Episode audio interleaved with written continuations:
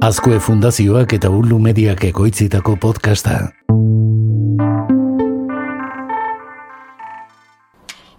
Then put your little hand in mine. There ain't no hill or mountain we can't climb. Ze, kosta egin da kurtso hasiera, eh? Bill Murrayk marmotaren eguna pelikula ezagunean bezala, beste bain ere egun berbera errepikatzearen sentsazio hori izango duzu seguruenik.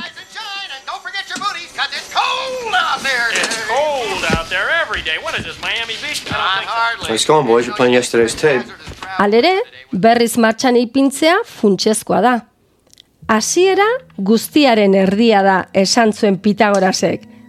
Tira, ez dakit horren besterako den, baina ondo hastea oso oso garrantzitsua da.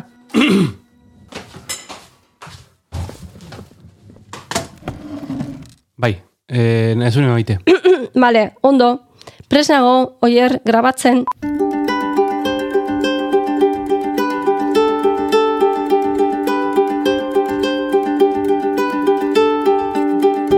Amar minututan, maite goinirekin. Kaixo, maite goni naiz eta hau amar minututan podcasta da. Kaixo entzule, saio honekin beste denboraldi bati emango diogu hasiera. Eta oso zorion txunago, oieran antzabal inguruan dabilelako. Inguruan nabil eta gustora gainera. Plazerra nirea da maite.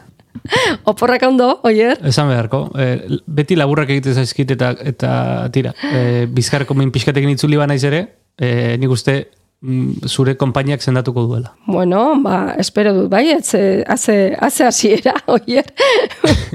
Bai, nolako hasiera eta honeko goratzen dit, eh, kurso hasiera izan ohi dela, harremanei garrantzia handia emate zaien garai bat. Bai, oso oso oso garrantzitsua da beti, baina e, esateko, egi esateko e, hasiera hauek e, ba, tonua ezartzen dute, ez? Ikasturtearen tonua eta harremanak mm, ba, zaintzea bereziki garrantzitsua da. Ikasleak ezagutu, eh, batzuetan ikasle berriak, eh, irakasleak ezagutu, eta klasearen aurrean zure burua aurkezteko. Hori da, e, ze askotan ez dugu elkar ezagutzen, edo ezagutzen dugu, baino oso azaletik, edo irakasle berria da, ikasle taldea beste nun baitetik dator, bueno, formula asko, bueno, kombinazio asko ematen dira, eta importantea da, ba, hasiera on bat ematea eta aurkeztea adibidez.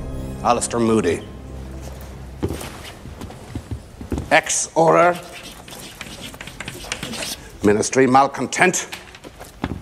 And your new defense against the dark arts teacher. I am here because Dumbledore asked me. End of story. Goodbye, the end. Any questions?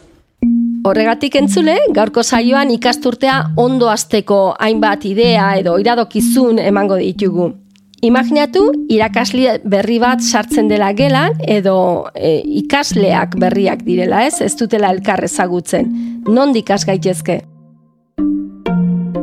Lehen proposamena da, zuri buruzko poster bat eskatzea, hau da ikaslei, ba, beraien burua aurkezteko poster bat egitea eskatzea. Ariketa hau oso simple egin liteke ez, ba, horrela libre utzi eta norberaren ba, e, sormena lantzeko baliagarria izan liteke, edo e, nahi bali baditugu bideratu informazio zehatz bat ema, e, e, eskatu diezaiekegu ez, adibidez, ba, izena bizenak ipintzea, edo adinaren baitan, ba, gaztetxoentzat adibidez, ze kolore duten gustuko, edo jakia, edo e, ze jaten duten, edo jolasten duten, edo gustuko duten e, ba, e, YouTubeko ez dakit e, e, pertsonaren bat edo urte betetzean ez duten Bueno, edo zer e, izan liteke baliagarria eta helduagoentzat berrez, ba, ja, ba, beste galdera edo beste informazio mota bat eskatzea daukagu ez, websail gogokoena edo e, ez dakit e, lagun artean egiten dituzten e, ba, jarduera interesgarrienak, o, e, zein duten ba, e, influencer edo gustukoena, ez dakit e, okurritzen zaizkigun horrelakoak ez? Behin hori osatzen dutenean, ba, irakaslearekin partekatu behar dute poster hori, eta e, politena izaten da, ba, denek denena ikus dezaketenean. Ordun egin dezakeguna da jaso horiek denak, eta gero ba, gelan jarri gelako hormetan. Horretarako, ba, badakizue en, guk e, proposamen digitalak edo ematen ditugula saio honetan, ba, poster bat egiteko infografiak sortzeko edozein aplikazio erabil dezakete. Adibidez, Canva. Canva bat da, baino beste asko daude ez. Eta modu oso errazean plantilla batetik abiatuta, ba, egin dezakete beraien poster hori, beraien aurkezpena, eta gero PDF gisa jaitsi, nahi bali badugu, ba, gelako hormetan ipini. Edo beste aukera bada, dena digitala egiteko, ba, gure LMS-a erabiltzen dugun LMS-ean, Moodleen edo Google Classroomen e, jaso eta e, horiek denak ba, gero erakutsi modu batean ala bestean.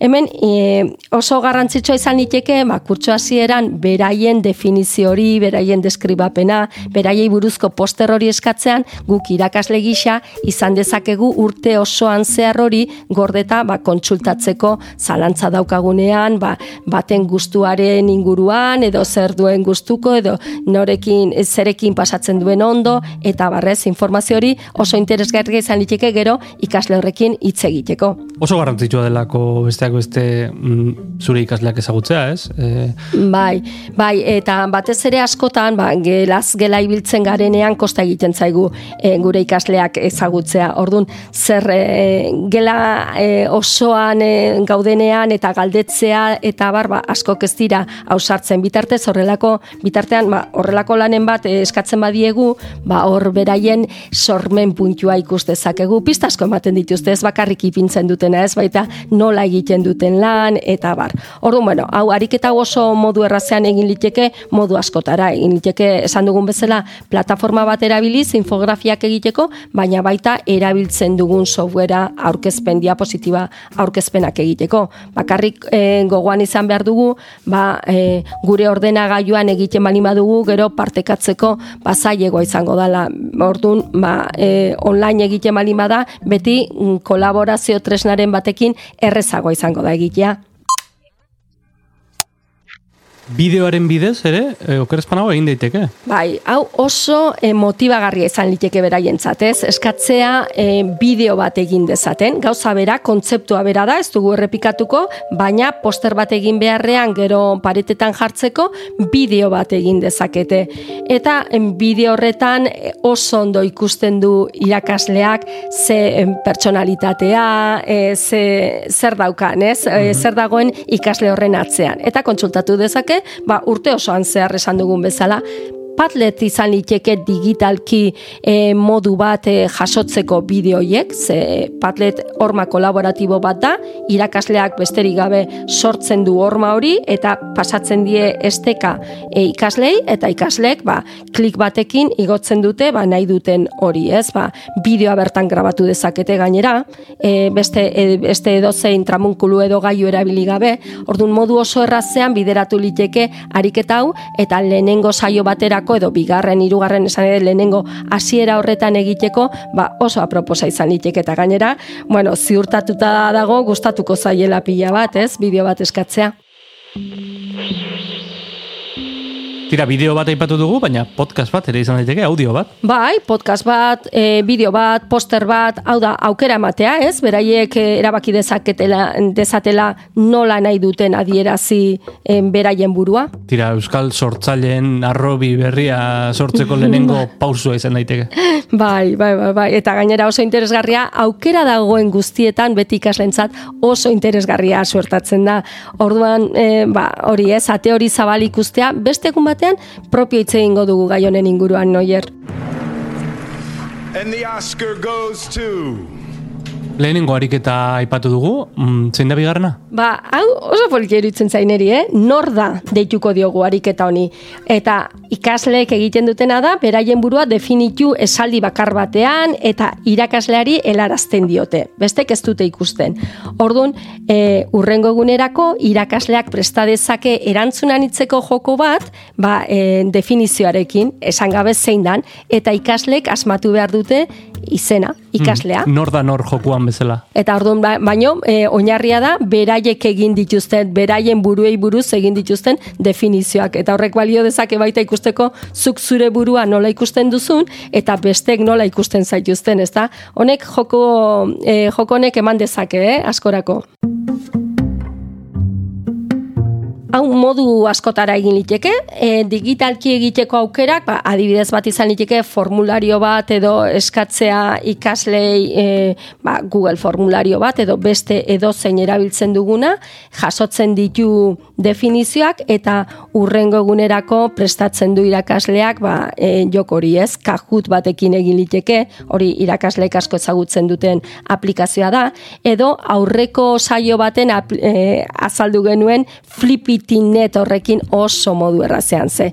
Formulario mm, e, hori jasotzen bali badugu Excel bihurtzen du, Excel horria edo kalkulu horria bihurtzen du, eta aipatu genuen bezala horrekin automatikoki flipitinetekin osatzen dizu jokoa beste zertzuk egin gabe. Hemen anotazioetan behiratzen abil, da, irugarren ariketat ere badagoela ikusten dut, izena bilatu, Bai. deitzen diozu. Hau oso e, simplea eta eraginkorra izenak, e, ba, e, pixka bat ezagutzeko izenak. E, egiten dugu letra zopa bat, gure klaseko ikasleen izen guztiekin, irakasleak egiten ditu, eta e, pasatzen die flipitinet erabil dezakegu honetarako adibidez, eta lehenengo egunean, bigarren egunean, egin dezakete joku hori ikasleek, eta horrela, ba, pixkanaka ezagutzen dituzte beraien kideen izenak. Eta azken bat oso oso simplea ere izan liteke e, meme bat sorraraztea. Gaur egun ikaslei asko gustaren zaizkie ba, interneteko kontuak eta bar dakigun bezala, eta hor memeak, bueno, dira, hor, arrauzo arrakastatxoak izaten dira. Orduan meme batean eskadi ezaiekegu beraien izaera edo egoera deskribatzeko meme bat egitea, ez? Digitalki badaude programak egiten dituztenak, meme generator edo generator izan liteke bat, baina edo zein ba, diapositiba aurkezpenekin edo e, lehen aipatu dugun infobrak, e, infografiak egiteko edo zen programarekin egin liteke.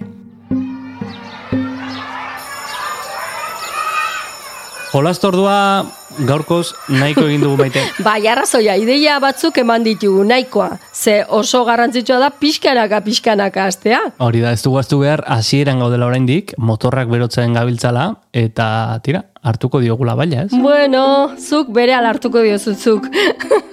Erritmoa, baia eta dana, ezagutzen zaitut. Bueno, marmotak bezala ez duzu lorek hartu behintzat, ez? Ez, gaur ez, eta kostako zaitze, oso e, gauza interesgarriak e, hitz egiten ditugu, eta, eta bueno, ba, ez nahi ez mantentzen oso. Poste naiz, oier, urrengo saioan e, hasierarekin jarraituko dugu, baina kasu honetan ariketa batzuk azalduko ditugu, icebreaker delakoak o direlakoak, izotza austekoak. Primera maite, baina hori urrengoan, bai? Badakizu, ez egin orain, gerorako utzi dezakezuna. Oier, mesedez, uste dute zer hori alderantziz dela, baina dos, urrengoan jarraituko dugu. Bitartean, entzule, musio handi handi bat, eta hasiera ona eman ikasturteari. Bai, eta gogoratu Twitterren eta audio plataforma guztietan topatuko duzuela, amar minututan arpidetu eta lagun artean partekatu. Eta baliabideak beti bezala, oharretan utziko ditugu. Besarkada bat maite, Besarkada bat, oier, urrengo arte. agur.